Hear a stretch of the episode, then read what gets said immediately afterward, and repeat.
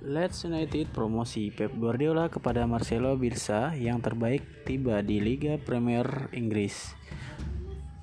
Meski begitu, Bielsa sempat tersandung kasus spionasi pada 2019. Ia mengaku menyewa orang untuk memata-matai setiap tim lawan di Championship.